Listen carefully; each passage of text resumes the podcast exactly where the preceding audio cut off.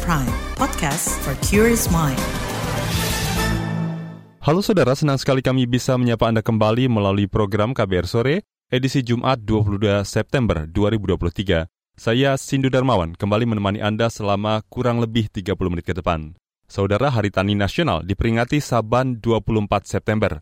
Penetapan Hari Tani dilakukan pada 1963 untuk menghormati perjuangan para petani di Indonesia. Tanggal itu dipilih karena bertepatan dengan hari disahkannya Undang-Undang Pokok Agraria. Tema perayaan Hari Tani Nasional 2023 kali ini adalah Tanahnya Subur, Petani Bersyukur, Indonesia Makmur. Tahun ini genap 60 tahun peringatan Hari Tani.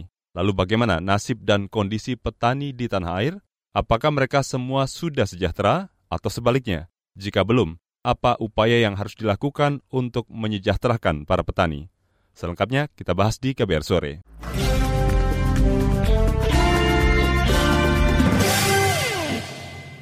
Saudara Presiden Joko Widodo menginginkan kesejahteraan petani di Indonesia dapat meningkat. Salah satu upaya meningkatkannya ialah dengan mencapai ketahanan pangan di dalam negeri melalui lumbung pangan.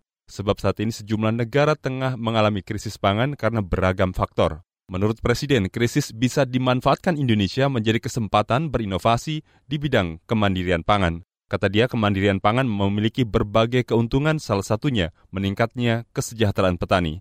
Hal itu disampaikan Jokowi dalam pembukaan Dies Natalis ke-60 IPB di Bogor, Jawa Barat akhir pekan lalu. Dengan tantangan-tantangan yang ada tadi, kita perlu inovasi besar-besaran yang bisa menjadi terobosan, yang bisa menjadi langkah besar kita ke depan itu seperti apa. Untuk menjadikan permasalahan pangan dunia sebagai peluang Indonesia untuk menjadi lumbung pangan. Ada kesulitan, ada krisis, tapi itu juga bisa menjadi sebuah peluang, bisa menjadi sebuah kesempatan, sehingga nantinya bisa justru meningkatkan kesejahteraan petani kita, mensejahterakan nelayan kita, karena ada kesulitan-kesulitan yang tadi saya sampaikan. Dalam acara yang berbeda, Presiden Jokowi juga mengingatkan masyarakat atau petani yang sudah mendapat sertifikat pengelolaan hutan agar bisa menggunakan lahan dengan produktif. Sejauh ini sudah ada 6,3 juta hektar hutan yang hak pengelolaannya diberikan kepada masyarakat. Itu disampaikan Jokowi usai membagikan sertifikat perhutanan sosial di acara Festival Lingkungan, Iklim Kehutanan, Energi Baru Terbarukan awal pekan ini. Tapi kalau sudah terima, saya juga akan cek apakah digunakan secara produktif atau tidak. Jangan hanya mau terima, ternyata ditelantarkan, harus ditanami harus produktif. Setuju? Yang tidak produktif dicabut, setuju? Saya dengar setuju semua loh ini. Itu tadi Presiden Joko Widodo. Saudara dalam sensus pertanian diketahui bagaimana kondisi terkini sektor pertanian, termasuk soal kesejahteraan para petani di Indonesia. Sensus dilakukan Badan Pusat Statistik BPS mulai 1 Juni hingga 31 Juli 2023 atau saban 10 tahun sekali. Tercatat hingga Februari 2023, ada lebih dari 40 juta orang yang bekerja di sektor pertanian. Jumlah tersebut tak hanya fokus pada profesi petani, tapi termasuk pekerjaan lain yang masih berkaitan dengan sektor pertanian. BPS juga mencatat nilai tukar petani atau NTP pada Agustus 2023 naik 1,09 persen dari 110 menjadi 111. Data itu disampaikan Deputi Bidang Statistik, Distribusi dan Jasa BPS Puji Ismartini dalam rilis awal bulan ini. Kenaikan NTP ini terjadi karena indeks harga yang diterima petani atau IT naik sebesar 1,08 persen, sementara indeks harga yang dibayarkan petani atau IB mengalami penurunan sebesar minus 0,01 persen. Adapun empat komoditas yang dominan mempengaruhi kenaikan IT nasional adalah gabah, kelapa sawit, cabai rawit, dan jagung. Deputi Bidang Statistik Distribusi dan Jasa BPS Puji Ismartini menambahkan nilai tukar usaha petani atau NTUP pada Agustus 2023 tercatat sebesar 112,5 persen atau naik 1,02 persen dibandingkan Juli 2023. Kenaikan NTUP terjadi karena indeks harga yang diterima petani atau IT naik sebesar 1,08 persen. Lebih tinggi dari kenaikan indeks biaya produksi dan penambahan barang modal atau BPPBM yang mengalami kenaikan sebesar 0,06 persen.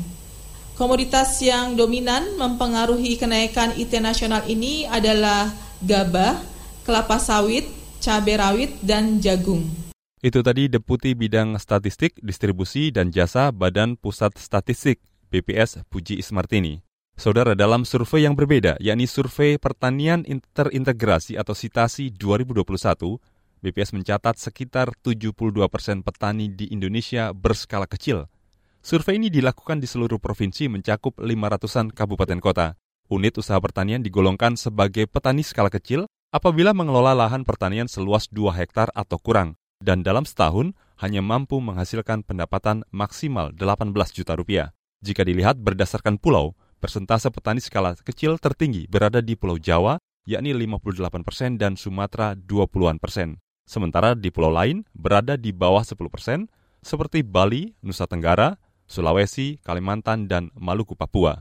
Menurut jenis kelamin, petani skala kecil didominasi laki-laki yaitu 91 persen, sisanya adalah perempuan. Ada pula istilah petani gurem, yakni kelompok rumah tangga pengguna lahan dengan penguasaan kurang dari setengah hektar. Saudara, produktivitas hasil pertanian sangat dipengaruhi ketersediaan dan pemberian pupuk pada tanaman. Namun faktanya tak semudah itu bagi petani mendapatkan pupuk untuk tanaman mereka. Kerap kali, mereka kesulitan mendapatkan pupuk bersubsidi, terkadang para petani harus membeli pupuk non-subsidi yang harganya lebih mahal. Apa sebenarnya yang menyebabkan situasi tersebut dan bagaimana upaya pemerintah mengatasi kelangkaan pupuk dan ketidaktepatan distribusi? Selengkapnya akan kita bahas di laporan berjudul Pupuk masalah petani yang tak kunjung tertangani. Tetaplah di KBR Sore.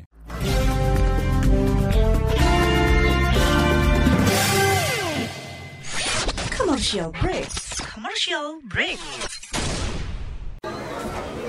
Yang baru, yang baru, yang baru. Tidak ada yang lebih baru dari kabar baru. Cukup 5 menit bisa perbaharui informasi kamu. Cukup 5 menit berita terbaru ada di genggamanmu. 5 menit sayang untuk dilewatkan karena kabar baru diramu dengan kualitas jurnalistik terbaik didukung puluhan reporter dan kontributor di Jakarta dan berbagai kota di tanah air. Simak hanya di kbrprime.id. Cukup search kabar baru, kamu akan dapatkan informasi teraktual dalam 5 menit. You're listening to KBR Pride, podcast for curious mind. Enjoy!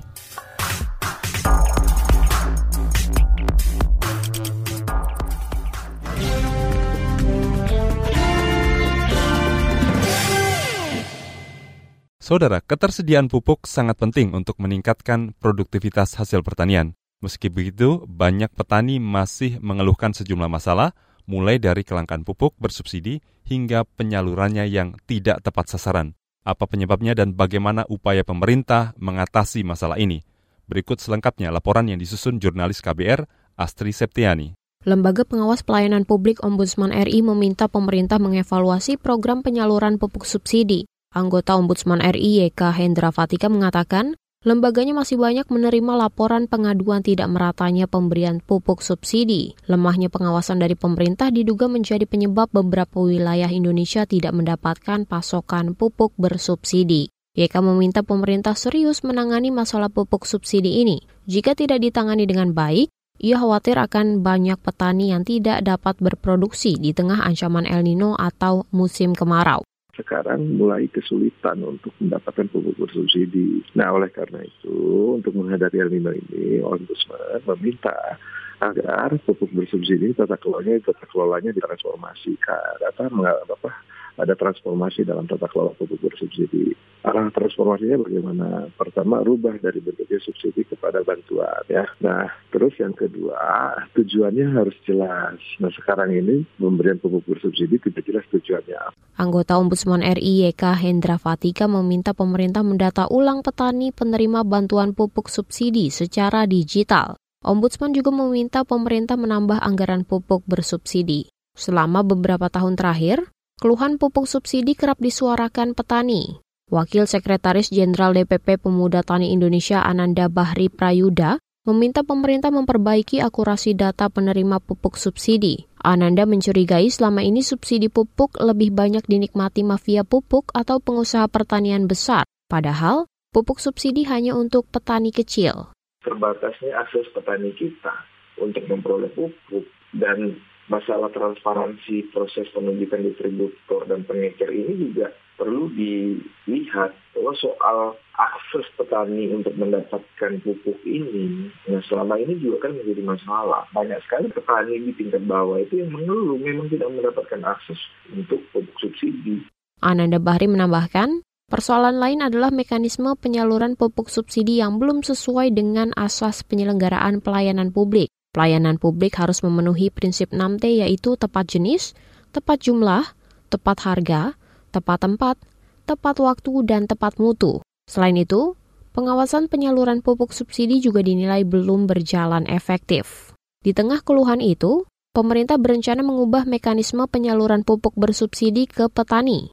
Wakil Presiden Ma'ruf Amin mengatakan upaya itu untuk mengatasi kelangkaan pupuk subsidi dan penyaluran yang tidak tepat sasaran. Jadi ini memang sudah menjadi bagian yang diperbincangkan di sidang kabinet. Kalau sistem ini kurang efektif maka itu akan dirubah yaitu mencari cara yang paling efektif supaya pupuk itu jatuh ke tangan yang berhak. Jadi siapa yang berhak menerima nah itu akan nanti by name by dress. Apakah nanti dalam bentuk uang itu belum belum sampai ke sana. Ma'ruf Amin mengatakan sempat ada usulan agar bantuan pupuk subsidi dari pemerintah diberikan secara tunai. Namun, usulan ini memunculkan kekhawatiran bantuan tunai justru digunakan untuk kebutuhan selain pupuk. Harga pupuk yang tinggi juga menjadi masalah bagi petani dalam mengakses pupuk. Apalagi pertanian Indonesia masih bergantung pada pupuk atau bahan baku pupuk impor. Presiden Joko Widodo telah memerintahkan Menteri Pertanian Syahrul Yassin Limpo untuk mengembangkan penggunaan pupuk organik di seluruh daerah di Indonesia.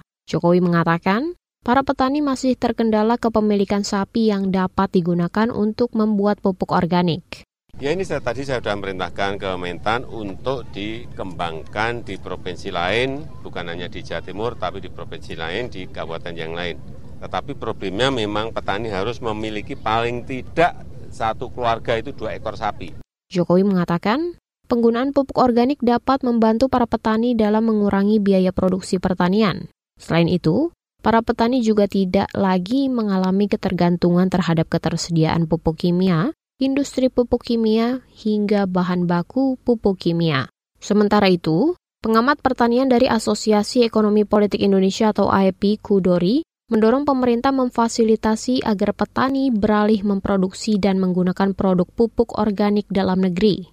Kudori mengatakan, langkah ini bakal membantu mencukupi kebutuhan pupuk di tanah air sekaligus mengurangi ketergantungan terhadap impor. Demikian laporan khas KBR, saya Astri Septiani. Itu tadi laporan khas KBR mengenai pupuk, masalah petani yang tak kunjung tertangani. Kita kembali ke topik utama. Saudara, dorongan untuk mewujudkan peningkatan kesejahteraan petani turut disuarakan sebagian kalangan parlemen. Apa masukan dari anggota dewan? Selengkapnya seusai jeda, tetaplah di KBR sore.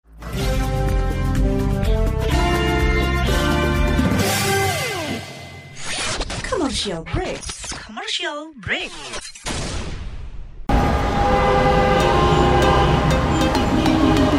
Jalanan macet, gak masalah tuh. Macet-macetan tetap harus produktif sambil mendengarkan talk show inspiratif. Ruang Publik KBR hadir untuk Anda kapan saja dan di mana saja. Simak obrolan menarik dengan tema-tema yang beragam langsung dengan narasumbernya. Hanya di kbrprime.id. Search Ruang Publik KBR. KBR Prime, podcast for curious mind. You're listening to KBR Prime, podcast for curious mind. Enjoy!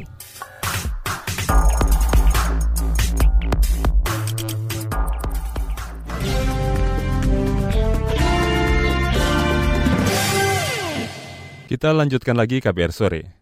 Saudara, peringatan Hari Tani Nasional pada lusa mendatang seharusnya menjadi momentum untuk mengkaji kembali berbagai masalah yang dialami para petani. Sebab menurut anggota Komisi Pertanian DPR dari fraksi PKB, Luluk Nurhamida, kondisi petani masih belum sejahtera. Mereka masih dililit beragam masalah mulai dari akses pupuk subsidi yang terbatas hingga masih adanya disparitas harga di tingkat petani dan pasar. Lulu juga menyinggung perlunya petani diberi perlindungan sosial karena kerja petani juga tak luput dari risiko. Selengkapnya, simak wawancara jurnalis KBR Ardi Ritwansyah dengan anggota Komisi Pertanian DPR dari fraksi PKB, Lulu Nur Hamidah. Jelang Hari ya. Tani Nasional yang jatuh pada 24 September, hingga kini bagaimana kesejahteraan petani, khususnya untuk petani skala kecil menurut Anda? Ya, kalau menurut saya isu yang dihadapi oleh petani sebenarnya lebih kurang masih tetap sama ya. Yang pertama yang terkait dengan nilai tukar petani yang ya walaupun ada kenaikan tetapi kan sebenarnya juga masih relatif lebih rendah lah untuk untuk menyebut petani uh, sangat sejahtera itu ya masih belum. Kemudian yang kedua yang dihadapi yang terkait dengan dukungan usaha-usaha eh, produksi.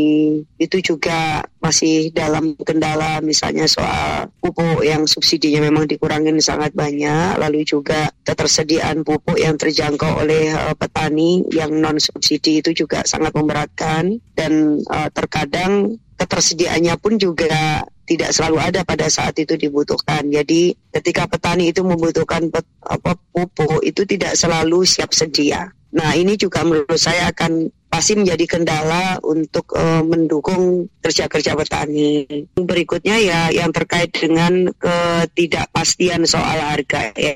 Ini kan masih ada gap antara harga di tingkatan petani dan juga harga di pasar. Nah, ini yang terkait dengan tata kelola dan tata niaga pangan kita yang memang belum mendukung lah bagi uh, kerja-kerja petani itu jadi hulu dan hilir ini belum sinkron apa saja yang paling dibutuhkan petani saat ini agar bisa sejahtera? Seperti kayak kan ada kredit usaha rakyat, terus sarana dan prasarana, kemudian bantuan sosial. Dari situ yang paling dibutuhkan petani saat ini apa sih? Ya saya kira jangan dipikir pilih ya. Kalau petani ini ya ya harus semua dibutuhkan dari mulai sarana prasarana, kemudian juga mulai dari uh, bantuan benih atau bibit yang unggul. Nah ini penting benih bibit unggul itu yang bisa tahan terhadap musim kering yang panjang, kemudian juga yang bisa tahan terhadap uh, gangguan hama atau OPT tanam dan lain-lain itu yang sangat penting. Kemudian juga perbaikan seluruh saluran irigasi dan kemudian juga waduk dan kemudian juga sungai-sungai, sumur yang terkait dengan uh, pasokan air ini juga sangat penting kan nggak bisa disuruh pilih yang mana, hmm. ya kan?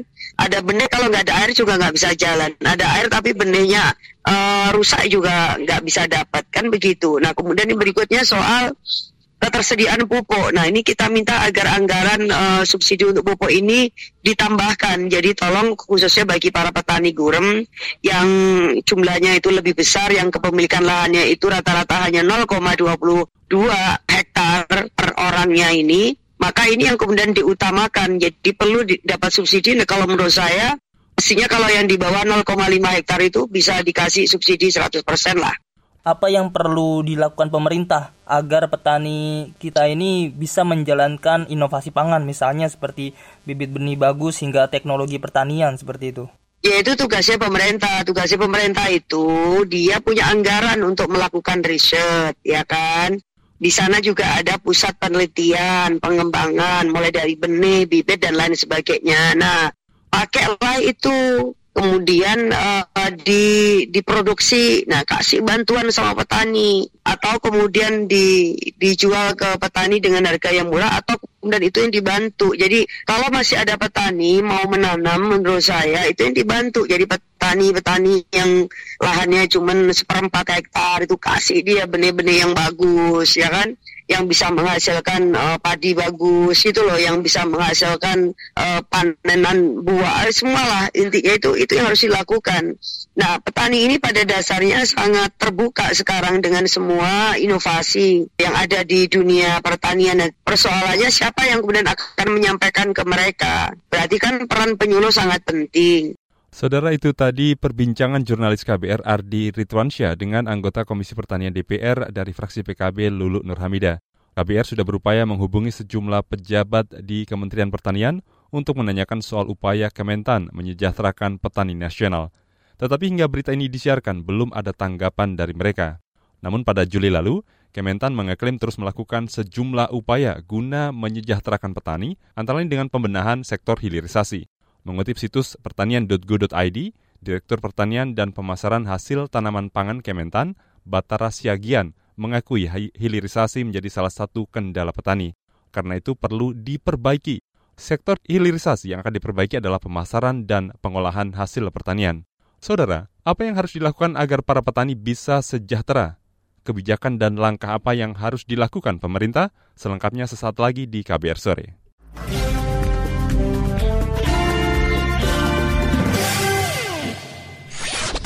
Commercial break. Commercial break.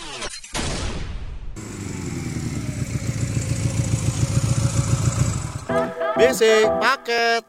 Yuhu, paket buletin pagi aku udah datang. Isinya lengkap banget. Ada berita-berita menarik dari berita politik, ekonomi, sosial budaya, sampai berita olahraga. Penasaran isi selengkapnya? Dengerin aja di kbrprime.id. Search Buletin Pagi. You're listening to KBR Prime, podcast for curious mind. Enjoy!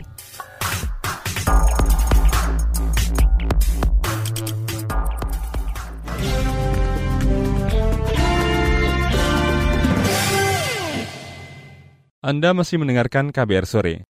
Saudara Serikat Petani Indonesia SPI mengungkapkan penjaminan hak kepemilikan tanah di Indonesia masih menjadi salah satu hal yang belum sepenuhnya diberikan pemerintah. Menurut Departemen Kajian Strategis Nasional DPP SPI, Mujahid Widian Saragi, masalah tersebut menjadi salah satu faktor mengapa petani belum sejahtera. Selain itu, kesejahteraan petani juga belum tercapai karena pemerintah kerap melihat nilai tukar petani sebagai patokan. Padahal, kini harga-harga kebutuhan produksi pertanian masih tinggi. Selengkapnya, simak perbincangan jurnalis KBR Hoirunisa dengan Ketua Departemen Kajian Strategis Nasional DPP Serikat Petani Indonesia, Mujahid Widian Saragi. Menjelang Hari Tani di 24 September nanti, Pak. Bagaimana sih sejauh ini kesejahteraan petani gitu, khususnya untuk petani skala kecil yang uh, pemilik sawah petakan atau bahu gitu?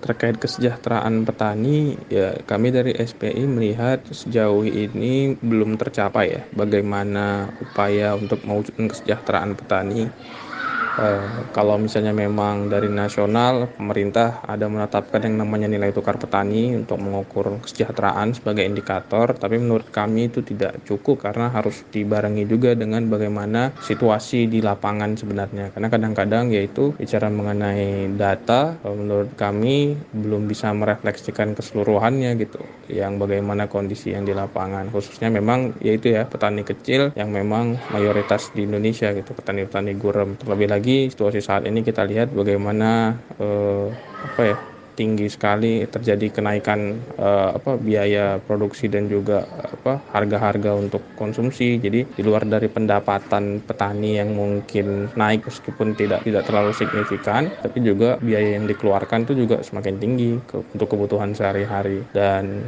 ada juga beberapa yang juga mencatat terkait kenaikan pendapatan ya, ya itu juga belum sepenuhnya dirasakan oleh petani. Lantas apa saja yang dibutuhkan petani saat ini agar bisa sejahtera? Apakah KUR, Sarpras, dan bantuan sosial sudah cukup mensejahterakan petani? Dan secara konkret sebenarnya apa sih Pak yang dibutuhkan petani? Kalau dari SPI kami memang melihat sangat penting bagi pemerintah untuk menjamin, melindungi, dan juga memenuhi hak petani yang paling dasar. Sudah sering kami sebut terkait tanah soalnya. Yang paling utama ya, bagaimana memang persoalan ketidakadilan penguasaan dan pemilikan tanah di Indonesia itu masih sangat tinggi dan dampaknya ya petani di Indonesia rata-rata adalah petani gurem. Jadi ketika kita bicara mau untuk intensifikasi ya untuk meningkatkan produksi ataupun juga untuk meningkatkan yang lainnya itu tidak tidak apa belum bisa berbicara ke arah sana gitu. Karena untuk bicara mengenai lahan itu masih sangat minim sendiri di tingkat petani gitu. Apakah penguasaan lahannya kecil ataupun jangan-jangan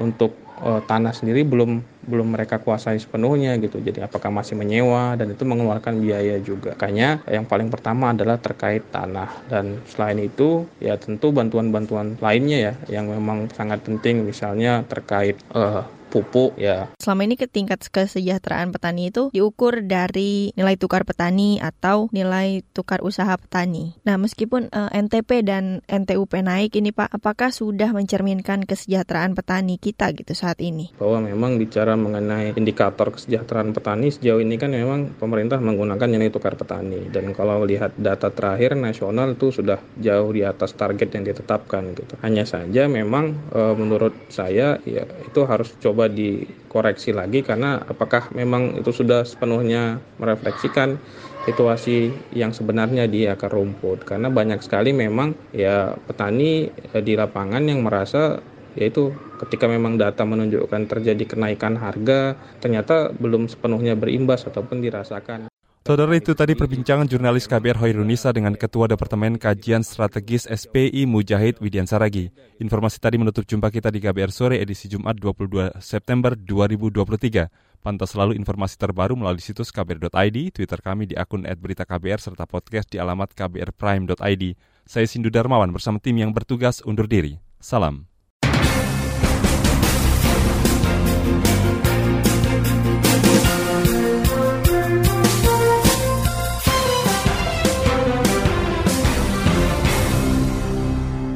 KBR Prime, cara asik mendengar berita. KBR Prime, podcast for curious mind.